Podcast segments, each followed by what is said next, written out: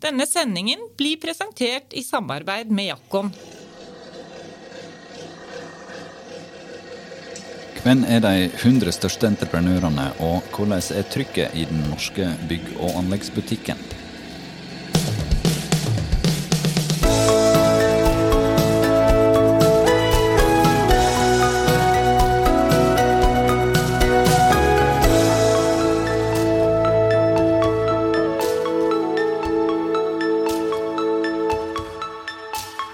Årlig presenterer byggeindustrien bygg.no lista over de 100 største entreprenørene i Norge.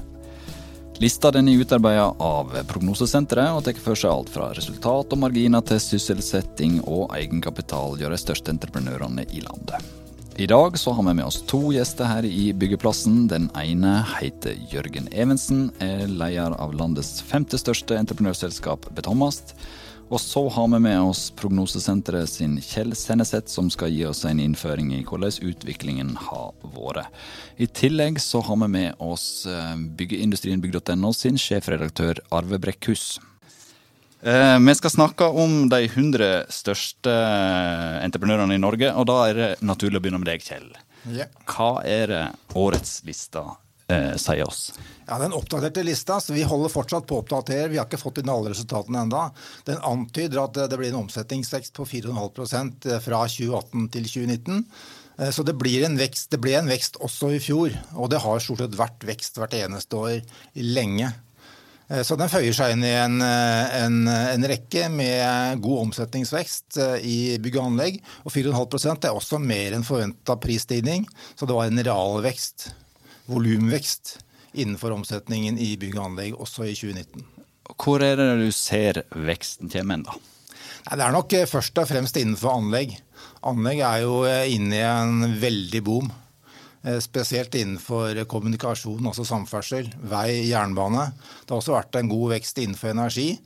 Den vil nok flate ut nå, kanskje gå litt ned. Mens eh, prosjektinformasjon tyder på fortsatt eh, kraftig vekst innenfor vei, og også, eh, ikke minst, innenfor jernbane. Men her er det jo også et spørsmål hvem skal finansiere alt dette her. Så vi ser vel for oss at den veksten som prosjektlistene våre indikerer, må tas noe ned i forhold til realitetene. Det er Anlegg det går igjen, det sier vi hele tiden. Der veksten kommer. Og sånn er det altså i sånn som situasjonen er nå. Ja, altså, men det er- litt spesielt, fordi at eh, dere har kanskje oppdaget at det er eh, representanter for de små anleggsbedriftene, maskinentreprenørene. De har ikke sånn, eh, samme oppfatning av markedet som de store. Og det er helt riktig. Kommunalteknikk har gått litt ned. Andre småprosjekter har også gått litt ned.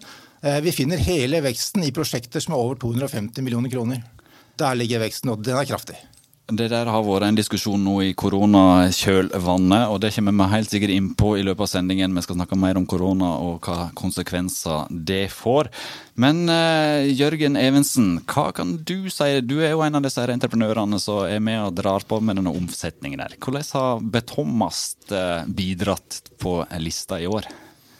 Ja, Takk for at jeg får være her først. Jo, Det bare hyggelig. Og så er det hyggelig å være sammen med Kjell, da, som har god greie på disse tinga. Så jeg tenker at det trenger noe faktahjelp, så kan vi få det herfra.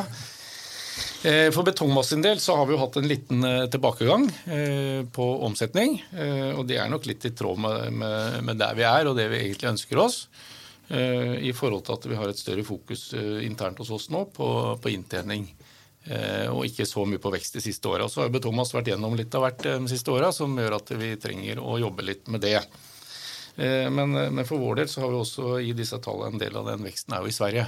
Så, så den tilbakegangen i, større er, eller i Norge er nok større enn det på en måte den totale viser, i forhold til at vi har ganske god vekst i Sverige. Og jeg tror også det er mange av våre konkurrenter som har ganske brukbar vekst i det svenske markedet og tatt nye posisjoner der borte. Jeg ser jo at eh, på, på lista så har de altså en omsetning som er på nesten 6,6 milliarder kroner i 2019. Og så har de en resultatmargin som ligger på 2,4 og det, det gir et resultat da på 155,3 millioner kroner. Det er jo penger, det òg. Men 2,4% i margin, det er kanskje ikke der det skal være. Det er altfor dårlig. Eh, Og, og- og det kommer jo, Thomas består jo av 15-16 entreprenørselskaper. eh, og Det er klart det er jo summen av disse. Så vi har selskaper hos oss som eh, presterer veldig godt. og som definitivt hadde ramla rett inn på lista på, på topp ti her. Og vi har selskaper som ligger helt i andre enden. Og det er vel kanskje det som er litt av den utfordringa, med litt, litt, store lokale variasjoner internt hos oss. Og det er det vi tenker at vi skal jobbe med framover. Du var sjøl inne på det. Det har jo skjedd litt av hvert i uh, Betoma-systemet. Du gliser litt nå, for dette her er jo det alle lurer på. Uh, hvordan ja, Vi kan begynne med Betomas hære. Uh, og den uh, fusjonen der. Den gikk kanskje ikke akkurat sånn som forventa, for uh, den finnes det ikke lenger. Nå står det Betomas på lista. Hvordan, hva var det som skjedde der? Eh, det er helt riktig. Den gikk vel ikke som forventa, for da hadde vi vel ikke skilt lag, tenker jeg. Eh, så, så, så det var et forholdsvis kort ekteskap eh, som, som, ble gjennomført. Det var vel ganske store sprik blant eiergrupperingene, samt til dels dårlige resultater i deler av virksomheten. Som man gjorde, fant det fornuftig å skille lagene, egentlig, for at ikke dette her skulle på en måte påvirke hverandre i de forskjellige, altså i de to fusjonerte enhetene, egentlig. Eller tre, om du vil. Så, så, det er jo på en måte kortversjonen av det. Eh, og noe ytterligere på en måte kommentarer på det, det tror jeg ikke du får. For det er egentlig ikke så mye det. Jeg skal ikke grave så mye i det. Det får heller her gode å grave. Men eh, det som eh, Det gir et utslag. Det hadde i 2018 var det vel eh, da en eh, total omsetning på rundt 13 milliarder kroner i det. Det var jo en gigant. Mm. Og nå er det på 6,6, som jeg sa. Mm. Men så kommer jo det inn noen nye eiere her, da. Nå er det plutselig blitt en del av AF-gruppen. Vi tar en liten pause for å få et par ord fra våre samarbeidspartnere.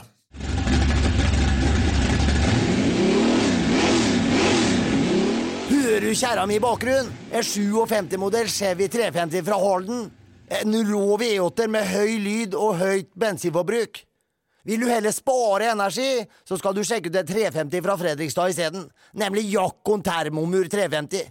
Termomur er det moderne byggesystemet som gir høy bokomfort og lave energikostnader. Systemet er like bra både til grunnmur og vegger. Med Termomur 350 så tilfredsstiller du myndighetenes krav med god morgen! Og da er vi tilbake på byggeplassen. Helt riktig. Ja. Hvordan blir det ekteskapet? Ja, for, for det første er det jo ganske nytt ennå. Eh, så, så, så om, får håpe at det varer litt lenger enn i de to åra vi var sammen var gitt forrige gang. Men, eh, men, eh, vi har nå en del felles bunnplanker tror jeg, som passer veldig godt. AF har også vært et gründerselskap i gang i tida, som de aller fleste andre. De har vært gjennom en reise. De har en struktur og et veldig profesjonelt eierskap. Eh, og et veldig stort fokus på prosjektene, inntjening og på, på sikkerheten. Eh, og det er på en måte det som kjennetegner Betongmast også, selv om vi drev og kanskje holdt på litt for mye med andre ting et par år. Eh, så, så har nå det jobba videre, og ikke minst et veldig sterkt prosjektfokus. Så det jeg tenker er liksom det som ligger i, i bunnen der. Og så langt så har det vært helt utmerket. AF-gruppen, Kjell, det er et navn som, eh, som, eh, øker kraftig sånn i listene sånn langt tilbake i tid, egentlig. Og nå begynner det å nærme seg Veidekke helt på toppen. Jeg skal slå sammen AF-gruppen og Betongmast for 2020. Da begynner det å nærme seg Veidekke. Men jeg tror ikke det når helt opp dit. Men et par sånne akquisisjoner til, så kan det hende at dere begynner å, begynner å puste Veidekke i nakken. Det tror jeg ikke de vil like, altså. De vil nok veldig gjerne være størst. Eh, det er ikke noe overraskelse at Veidekke igjen, som så mange ganger før, er på topp på lista. De enda på en omsetning på 38,2 eh, milliarder kroner. Millioner var litt stusslig, Arve. Arve Brekkhus i byggeindustrien. Topp tre-lista. Eh, det er ikke noe overraskelse der, men, men AF-gruppen er en liten sånn eh, contender til topp én snart. Ja, det er det. For det er jo egentlig tre, tre konsern som skiller seg ut i forhold til nummer fire på lista. Da Veidekke, AF-gruppen og Skanska. Så det er omsetning på 38, 22 og 15 milliarder. Og så er egentlig byggs nesten på 10 milliarder ned til neste, som eh, for 2019 var henta på, på 6, nesten 7. Men Kjell, på lista vår er det sånn at vi har med konserntallene for de norske aktørene. Og tar bort utenlandsomsetningen ja. på de ulike selskapene hos oss, så blir jo Veidekke og AF egentlig enda nærmere i totalen, ja, selv om begge har mye utlandet. Da er det ikke så stor forskjell lenger. Nei, for Veidekke har jo hørt kraftig utlandet, og mesteparten av omsetningsveksten de siste åra har vel kommet eh, fra utenlandsvirksomheten. Total utenlandsomsetning til de 100 største har jo gått kraftig i været, mer enn fordobla på noen relativt få år. Men og Veidekke er fortsatt desidert størst, de har nesten 50% av utenlandsomsetningen. Så det er der, eh, det er der de, de, rykker fra de andre. Det, er, de er utlandet. For CRF har jo ca. 4 milliarder på, på, utenlandsomsetningen. Og med betonmast inn der også vil vel utenlandsomsetningen stige enda mer. For det har vel et par milliarder, Jørgen? har ikke det? Ja. I fjor så tror jeg vi hadde litt i overkant, mellom 1 og 1,5 milliarder mm. i Sverige. Og så har jo det skjedd noen ting på, på Veidekke-sida. De har bl.a. solgt ut eiendomsbiten. Hvordan vil det påvirke eh, Veidekke på den lista i neste år? Ja, for altså, vi, vi, tillater jo at man ikke bare tar med entreprenørvirksomhet. Vi, skri, vi, skriver jo at helst bare den utførende bygg- og anleggsvirksomheten, men hvis det er vanskelig å skille annen virksomhet, så er det lov å ta det med. Og De fleste tar jo da det med, for da får de større omsetning, selv om de egentlig hadde klart å skille ut annen virksomhet. Og ikke minst bedre bunnlinje. Ja, ikke minst bedre bunnlinje. Ikke, ikke, minst, ja. Så, det, så Veidekke kommer nok kanskje til å kanskje de kommer til å angre seg litt hvis eh, AF-gruppen med betongmast i, si, spissen begynner å ta innpå dem. Det er ikke sikkert de får noe omsetningsvekst eh, til neste år på konsernnivå, siden de selger eiendomsvirksomheten. Dette kan bli spennende framover. Dette blir spennende. Skal vi, skal vi, rett og slett bare ta eh, topp fem her, da? Veidek Veidekke er altså nummer én. AF-gruppen er nummer to. Skanska Norge er nummer tre. Hent er nummer fire. Og så kommer du på femteplass, Jørgen. Er du fornøyd med det? Altså, eh, Det er ganske morsomt å diskutere omsetningsstørrelser og vekst. Og vekst er viktig i ethvert selskap, for det skaper en del energi og det skaper en del tro på framtida. Eh, men det vi nå er mest opptatt av, det er å få gjort noe med bunnlinjene. Og det tror jeg på en måte gjelder hele, hele topp 100, selv om det er veldig mange her som, som er veldig gode på prestasjoner. Eh, så på en måte skal vi, skal vi på en måte tiltrekke oss de beste folka i framtida. Skal vi være oss mest attraktive, skal vi kunne gjøre de kuleste tinga, eh, så er vi nødt til på en måte kollektivt å få opp inntjeningsnivåene generelt i dette her. Mm. Så jeg vil mye heller gjerne på den ti-lista som du har sist der, enn å komme på den topp fem-lista, hvis jeg skal svare ærlig på det spørsmålet. Ja, Men, men hvordan skal en klare det, å få bedre inntjening i bygg og anlegg? Ja, det er jo der er jo veldig mange parametere, og spesielt så er vi jo gode på unnskyldninger da, på hvorfor vi ikke, ikke greier å levere resultater. Det er vi vel eksperter på, det er vel de fleste selskaper blitt etter hvert.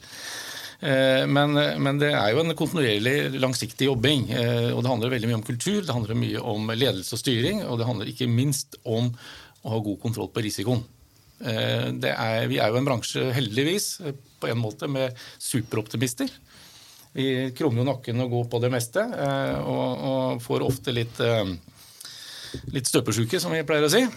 Og det kan hende at det lønner seg kanskje å ha litt mer fokus noen ganger på på den, en mer risikostyrt gjennomføring av det vi går inn på. Det tror jeg kanskje er nøkkelen eh, i hovedsak. Er det mulig å få en kommentar til dette med resultatene? Ja, selvsagt. Fordi at vi siste, det er derfor du er her, Kjell. For de siste årene har vi også regnet ut avkastningen på totalkapitalen. Og det er et tall som kan sammenlignes med bankrenta. Og Det viser seg år for år at denne avkastningen, hvis du ser alle 100 under ett, den er det dobbelte av gjennomsnittlig resultat før skatt. Så hvis resultatet før skatt er 3% så blir avkastningen på kapitalen 6% Og de er ikke så himla dårlige, altså. Tenk på hva bankrenta er nå. Selv om det er mye mer risiko ute i bildet, i bildet her, så, så, så, skal man kanskje ikke kimse altfor mye av hva de faktisk får til når det gjelder avkastning på investert kapital. Så i hvert fall jeg syns det er et mer interessant tall enn en overskuddet eller resultatet eh, før skatt i forhold til omsetningen. Det står bedre til enn det en skulle tro? Ja, jeg syns egentlig det gjør det, og alltid har gjort det. Men det er jo dette resultatet før skatt eh, i forhold til omsetning som det hele tiden har vært fokusert på. Og det er kanskje litt feil. Kanskje vi burde snu litt på det? da? Det spørs det. Jeg er enig med Kjell at det er, viktig å tenke litt avkastning når vi tenker penger til aksjonærer og, og sammenlignbare investeringer. Eh, men, men, å sammenligne bank- eh, og renteavkastning med entreprenørvirksomhet i forhold til den risikoen og de variasjonene som ligger der, så er det klart at det er en helt annen type avkastningskrav som bør ligge på den type investeringer. Eh, langt over 6 Ok, Da tar vi det til etterretning at det bør være mer enn 6% Men det har faktisk stort sett også vært over 10% for de siste par årene har vært ekstra dårlig når det gjelder gjennomsnittlig resultat eh, før skatt blant de 100 største. Eh, det har stort sett ligget på i nærheten av 4% altså 3,5-4% Og Da nærmer vi oss 10 i avkastning på kapitalen. Og Da er det kanskje ikke så verst, selv når vi tar hensyn til at det er mye mer risiko forbundet med produksjon av entreprenørtjenester enn banktjenester. Ja, for Bunnlinjesnittet i 2019 var vel på 2,7 eh, og 2,3% i 2018. Ja. Og det er jo ikke kjempebra historisk sett. Nei, det er dårlig historisk sett. Og det har jo kan du si, vært gode tider i den perioden vi snakker om da. Hvorfor er det sånn både oppgangstider og nedgangstider så er det ganske jevn? Ja, det, I de gamle dager så var det jo sånn at det var nesten sånn motsyklisk at det var høy avkastning eller høy, høyt godt resultat i dårlige tider. For da kan man ri på kontrakter som var priset inn før de dårlige tidene begynte, og så kunne man skvise underentreprenøren til døden og tjene mye penger sjøl. Mens det omvendte når det var gode tider, hadde man dårlig priste kontrakter, og så skulle man ta det dyrt for underentreprenørene, og så gikk det den gærne veien der. Men vi ser nå at eh, den tendensen som varte ja, så Jeg begynte med dette her i 5-86.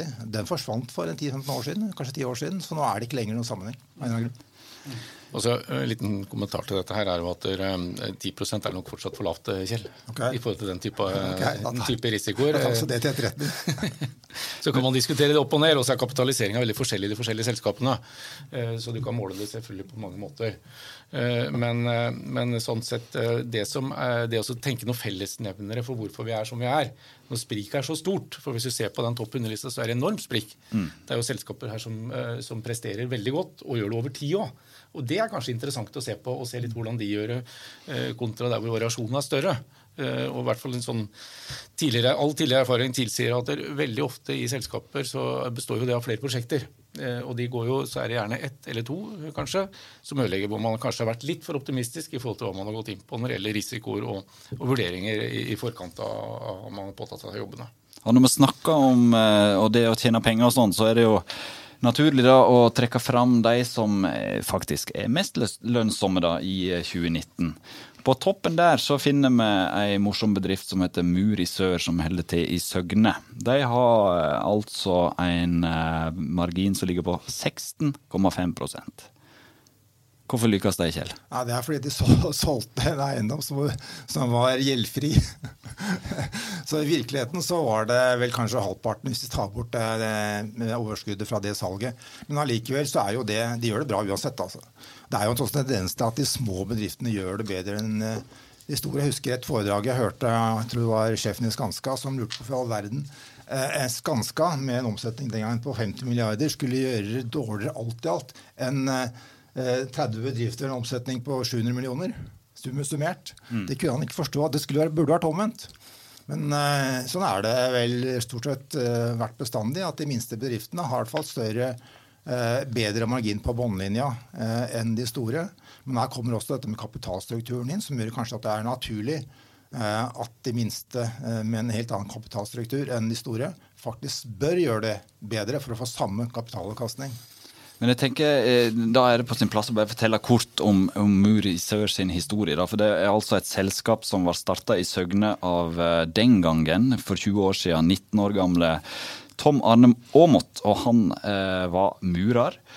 Det var et enkeltmannsforetak den gangen, og nå er det blitt altså et lite konsern da, med både bygg, anlegg og eiendomsavdeling, og med en omsetning på 413 millioner kroner i 2019. Det er det vi kaller ekstrem vekst, eh, Jørgen. Eh, og du har jo gitt ut en bok som heter Ekstrem vekst, som forteller historien fra ja, det er tiårsperiode fra 20, ja, 2006 til 2016 i Betommast. For du er jo litt den der gründeren du òg, selv om ikke det var så eh, voldsomt som det Tom Arne Aamodt i Muri Sør har drevet med, så, så starter du på scratch du òg. Det er helt riktig. Eh, også når det gjelder den boka du refererer til, så er jo den jubileumsbok i forbindelse med tiårsjubileet. Eh, og jeg er ikke helt sikker på om det var jeg som valgte tittelen på den boka, men, eh, men det, er noe, det, er noe, riktig. og det, det gjenspeiler jo litt den, den reisa vi hadde og har hatt egentlig fram til nå. Eh, vi starta i 2006 egentlig på null, og omsatte da i det året tror jeg, som var da jubileet ti år etterpå for ca. 4 milliarder. Men du har jo lært noe underveis her hvordan det er å vokse. For det er jo det, det er ikke bare bare det. Du får noe veksesmerte underveis her. Ja. Hva slags råd har du til de som står i den posisjonen der? Nå står han i et skille her mellom å være en liten til å bli en stor en. Ja, jeg vet ikke om det er så lett å gi noe sånne tydelige råd på det. Verken så kjenner jeg den virksomheten veldig dårlig, eller, eller dens art på en måte, eller hvordan de, de drifter.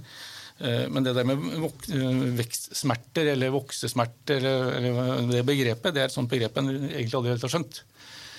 For at det er klart at Når du vokser og resultatene uteblir, så kan man jo si at det har en form for smerte å vokse.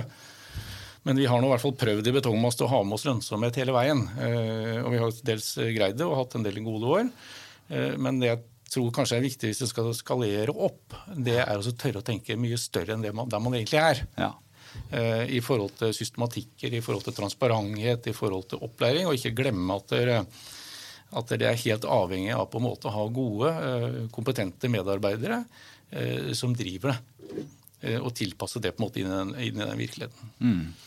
Vi kan jo ta, ta, en liten kikk på den lista eh, som har de mest lønnsomme bedriftene. Da, siden vi nevnte Muri sør på Fauseplassen, så får vi ta det, eh, de fire neste òg. Strøm Guddersen eh, AS, som er vel òg en del av AF-systemet.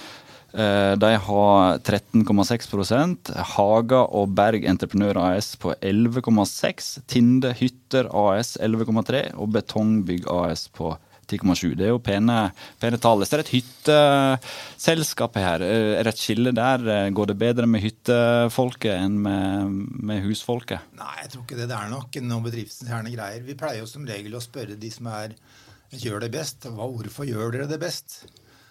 Eller hvorfor er dere så flinke? Og det får stort sett det samme svaret, helt uavhengig om det er en boligprodusent eller gjerne en en maskinentreprenør, Målsel Anleggs f.eks., som ikke er med lenger, for det er for små gjør det alltid kjempebra. Og det svaret vi får, er at de har en stabil arbeidsstokk, de har lite sykefravær, og de har entusiastiske medarbeidere. Liksom. Det er det. Mm. Har man de tre tingene der, da er mye på plass. Da er mye på plass altså. Eh, vi nevnte innledningsvis at eh, korona må bli en del av eh, samtalen. Nå har vi gått inn i en periode igjen med økt smitte og fare for nye nedstenginger og sånn. 12. 12. mars står jo igjen som en dato som de fleste vil huske. Hvordan har det påvirka og hvordan, vil, ja, hvordan har det påvirka Thomas? da? Vi kan begynne konkret med dere først.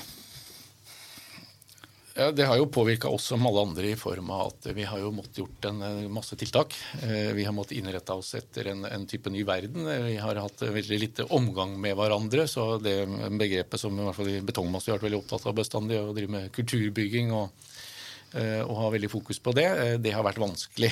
Eh, og så er nå dette her litt sånn indretjenestesaker som, som har selvfølgelig betydning for virksomheten i framtida. Men i en kort periode så, så, skal vi nok bære over med det. Fordelen her har jo vært at vi har greid å digitalisere oss ganske fort. Eh, vi har blitt ganske effektive på møter og administrasjonssida i forhold til, eh, til, å være rask og kunne beslutte og, og ha veldig gode gjennomførbare møter, syns jeg. Mm. Og så mister man selvfølgelig litt andre ting. men men, men det har vært, eh, vært, veldig positivt. Eh, vi har ikke hatt noen sånn veldig reduksjon i, i produksjonen vår. Det var litt en, noe, en periode. Eh, men i all hovedsak så har på en måte de store, store tallene så har det gått noenlunde greit. Og så har vi jo selvfølgelig, som kanskje en del andre, merka også at det har vært ramla inn noen avbestillinger. Mm. Type, spesielt kanskje innenfor hotell og, og, den type ting som det ble veldig, veldig mørkt på. Eh, og så har vi vel kanskje sett at det har drøyd litt utover, litt usikkerheter i forhold til oppstarter, salgsstarter og den type ting. Eh, men så virker det jo nå som det er en ganske stor optimisme igjen. Da. Eh, vi ble jo litt blenda en periode av boligprisvekstene. Mm. Men så ramla jo egentlig nymarkedet ganske kraftig, som vi da lever av, de som driver og bygger bolig på leilighetssida. Så det var nok ikke helt riktig bilde man så. Eh, og så er det jo spennende å se framover. Jeg frykter jo at vi kommer til å ha en eh, liten utflating, kanskje. Eh, nå er det litt mer synsing fra min side, så får Kjell, får Kjell underbygge hvordan han ser på, på, markedet. Jeg tror boligmarkedet kanskje var på en slags topp rett før korona. Så om det er på en måte koronaen eller om det er markedet i seg sjøl som på en måte begynner å stabilisere seg. Jeg tror at de kanskje ikke alle prosjekter nå går eh, like greit. Jeg tror vi må ha litt mer kvalitet, jeg tror vi må ha riktigere beliggenhet. Jeg tror kanskje man blir litt mer eh, opptatt av det, den leiligheten de kjøper og, og, og hvordan omgivelsene er der. Eh, og så er vi jo helt avhengige nå da at kommunene rundt omkring i Norge, og ikke minst fylkeskommunene og staten, er villige til å sette i gang det de trenger av prosjekter i form av skoler, sykehjem og andre ting. Jeg er veldig bekymra for disse kommunepolitikerne. Jeg må si De har en vanskelig oppgave foran seg. De sitter sannsynligvis med så store regninger og usikkerheter rundt både budsjetter og osv. i forhold til det vi har vært igjennom. Og da å ta beslutninger på en investering på 300 millioner for en kommune eksempel, på en skole, det er en tøff beslutning for kommunepolitikere. Eh, og Der har vi spilt inn ganske mye til staten og bedt om at staten bidrar til på en måte å sikre og være litt garantister for at dette kommer i gang. For dette er jo bygg samfunnet trenger, dette er matnyttig, og det vil skape sysselsetting og vil holde i hvert fall vår næring i gang. Og så er det jo sånn for oss at i bygg og anlegg at vi, det tar litt tid. På en måte, i hvert fall for de store som er i gang og har ordrereserver og produserer på det, eh, til det på en måte begynner å kjenne dette her ordentlig. Men eh, jeg er ikke, er ikke, spåmann, men det er i hvert fall litt sånn bekymring. Og så, ser jeg det nå, at vi hittil i år har hatt uh, veldig grei ordreinngang, egentlig. Uh, Kjell, kan du se litt inn i glasskula der?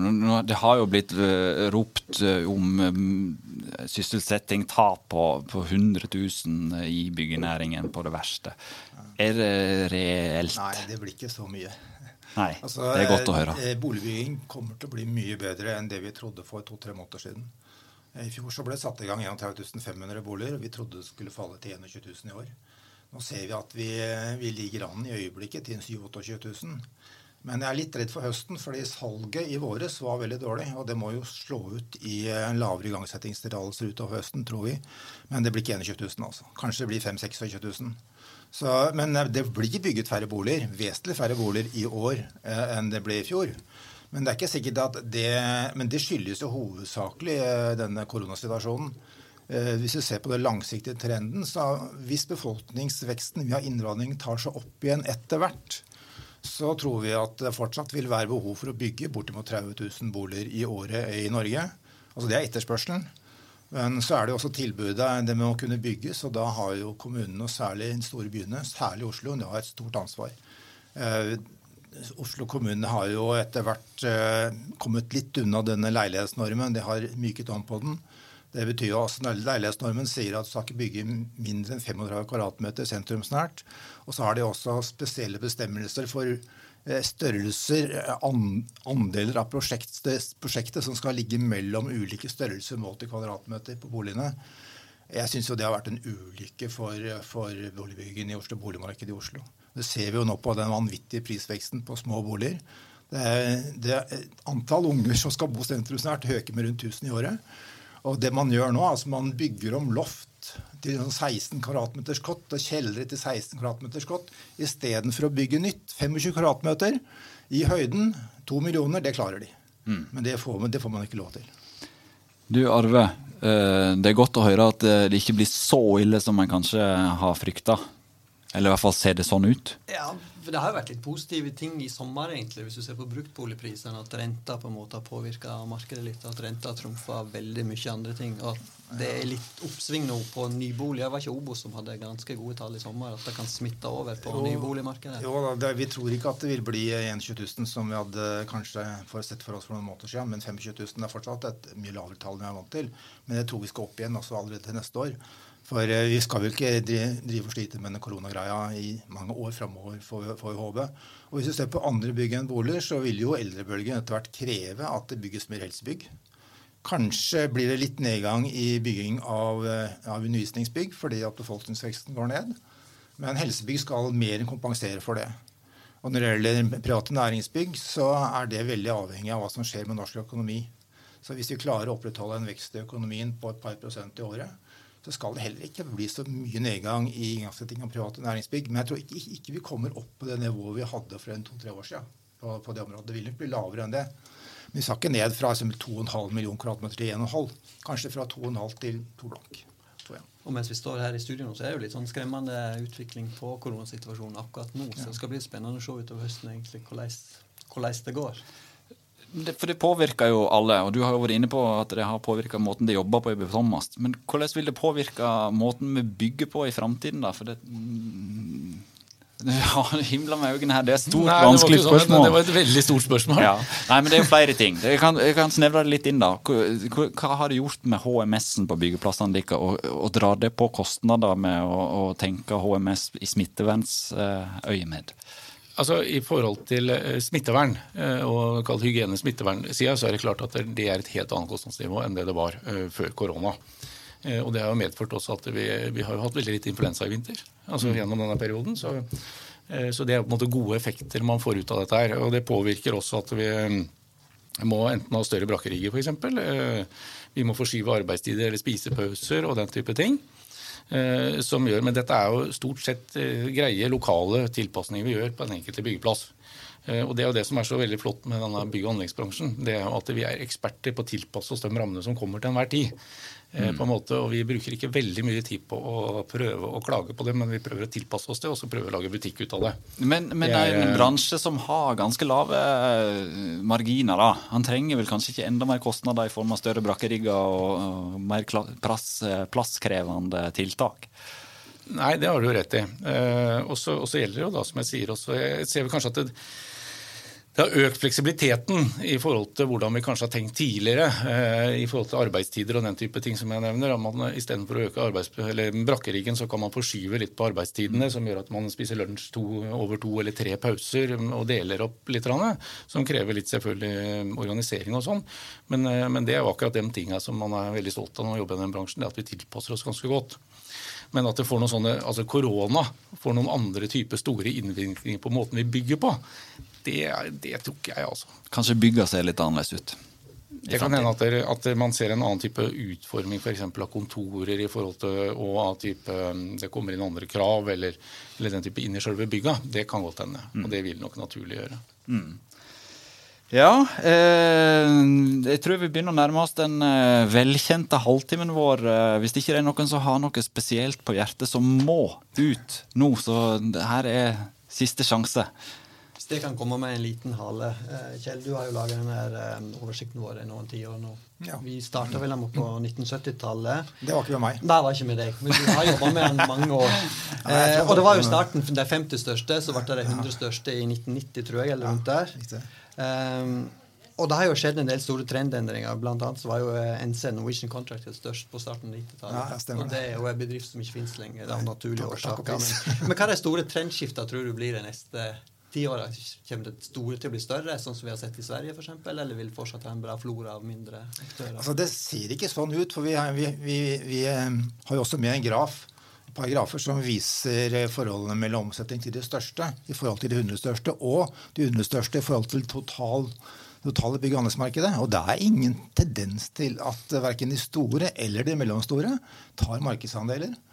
Eh, det ser, det ser, mer ut som veksten kanskje kommer i utenlandsmarkedet. Og at, uh, vi, vi, Jeg tror ikke vi får den tilstanden som i Sverige, hvor det er fire som dominerer. Altså. Jeg tror vi fortsatt kommer til å ha en flora med, med relativt store, uh, mindre bedrifter. Uh, og som, som, kommer til å kanskje være en slags ryggrad i det norske bygg- og anleggsmarkedet.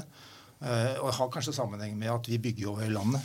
Hvis du reiser i Sverige, kommer du til, til 62. breddegrad, så er det helt tomt hvis stykket ved kysten. da. Vi, vi, har klart å beholde bosettingen i hele landet. og Dermed så er det plass til lokale entreprenører over hele landet også.